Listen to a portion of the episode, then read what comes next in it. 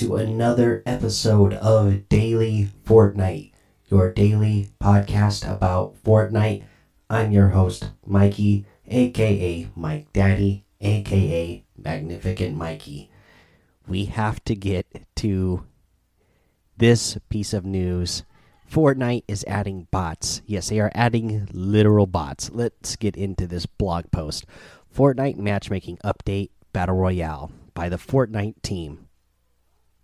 Hey everyone, since Battle Royale launched, the matchmaking strategy for our core modes has remained mostly unchanged. Over the past two years, however, the range of player skill has grown considerably. In Arena, we use hype based matchmaking to ensure players are matched evenly across platforms. In the version 10.40 update, we're introducing improved matchmaking matchmaking logic to Battle Royale core modes to create fairer matches. What does this mean? You will be more likely to match with players of similar skill, and as you get better, so should your opponents. We will slowly roll this out to all regions across Battle Royale core modes as we test and monitor how it performs. We're excited to get this out for everyone to play with, and we'll continue to update the system. We'll update you when it's fully live across all regions to get your feedback as you try it out.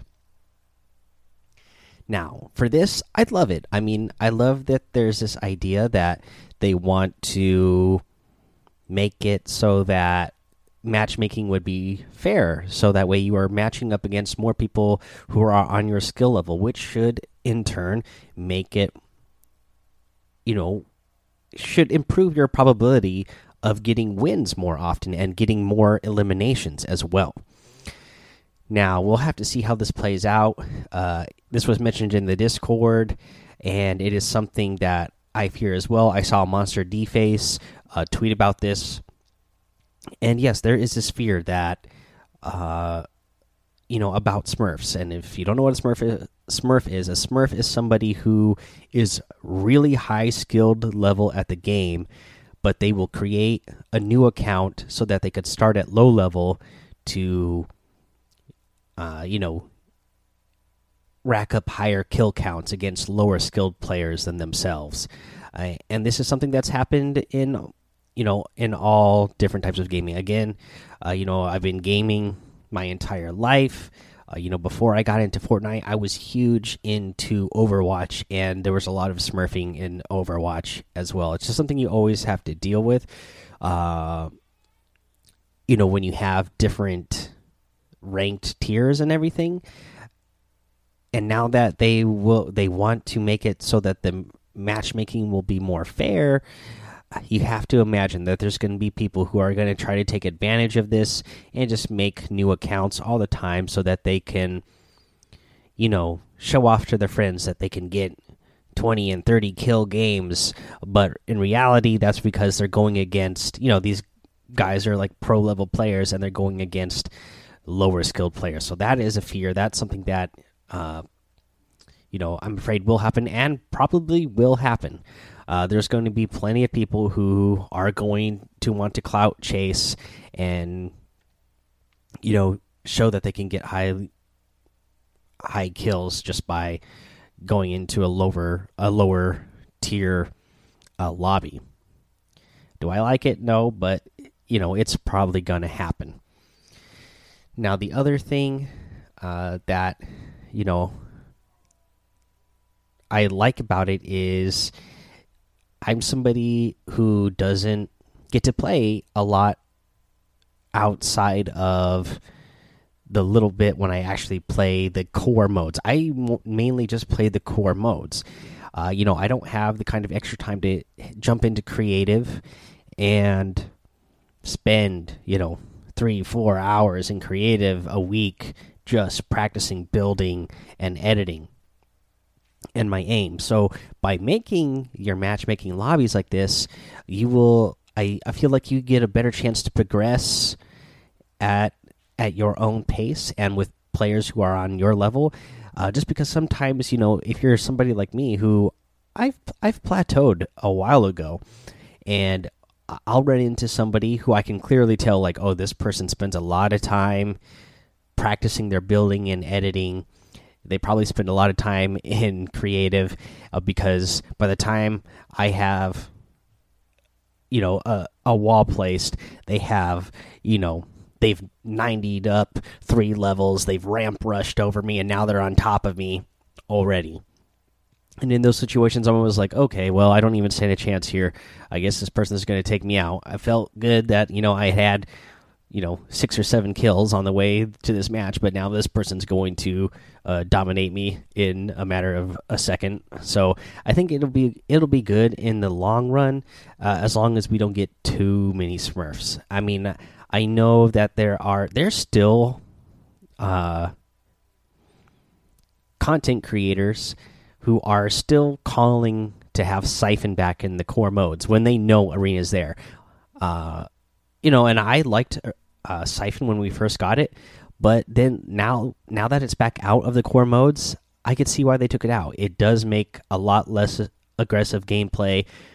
It does balance the game out to not have Siphon in the core modes, uh, because here's the thing with these content creators that I all see asking for Siphon back, none of them are playing Arena because they know they're going to get wrecked in Arena because they are really good in public matches but they're not so good when it comes to competitive and they want to show off. So if they had siphon they could get more kills and get higher wins. Because even in when we had siphon in the regular lobbies not just in arena when we had it siphon in public lobbies i was regularly getting double digit kill games. And that is not something that happens for me. It didn't happen to me like i i had like one 11 kill game win before we had Siphon in the public matches. But when we had Siphon in public matches, I would regularly get over 10 kills a game and not even win uh, because you know it was just a, it's just a overpowered thing. And it, it does make somebody who's better than your average player look that much better. But over for the game overall and the health of the game in the long run it wasn't good. But you're gonna you're gonna see players who you know want the clout and want to show off and get high kill games ask for it. And you're going to see people smurfing when we get this new uh, matchmaking system. So that is something i'm worried about. But overall i think the intent of what they're doing is you know really good. They have good intentions. It's up to the community to uh, you know make make this a good thing but here's the thing that I really want to talk about that I'm really perplexed by. Uh, so let let's see this bots. In the next season, we are adding bots to Fortnite.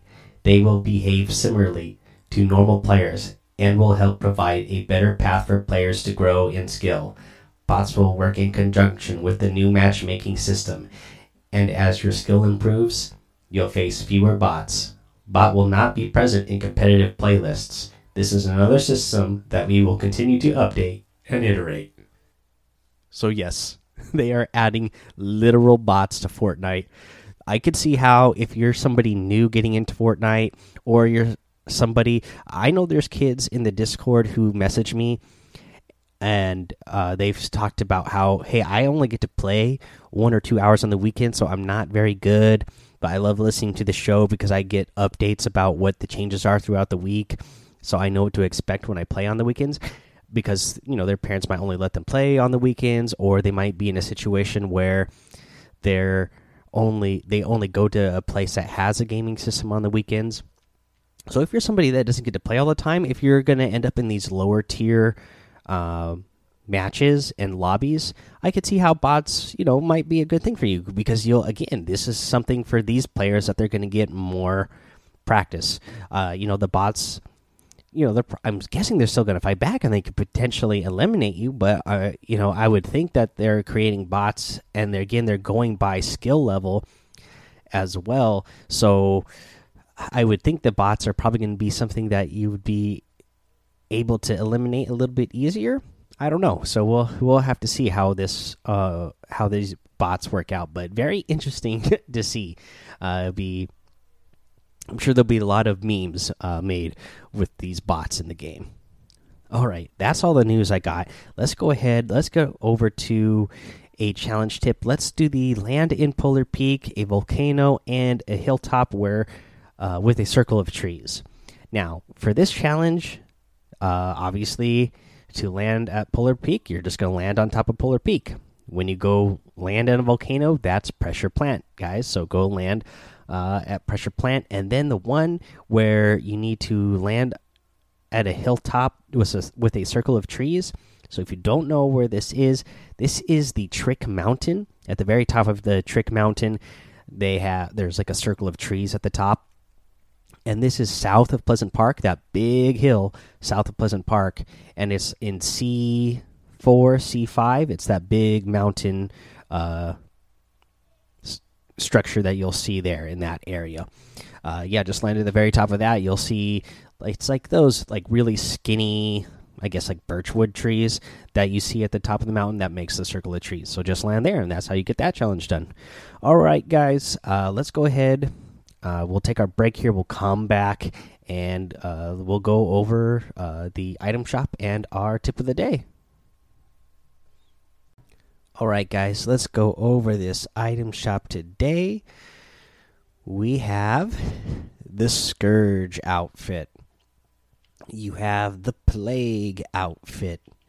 You have the Herald's Wand harvesting tool and the glider, the lamplight glider. Sorry. uh, you know, uh, my son has been really wanting these uh, Scourge and Plague outfits uh, because I don't know why where he saw it, but he saw a plague mask uh, somewhere, and he's been wanting to be a plague doctor for Halloween as one of his options that he's going with right now. So he's loving the way those look because he's really into that whole look right now for some reason.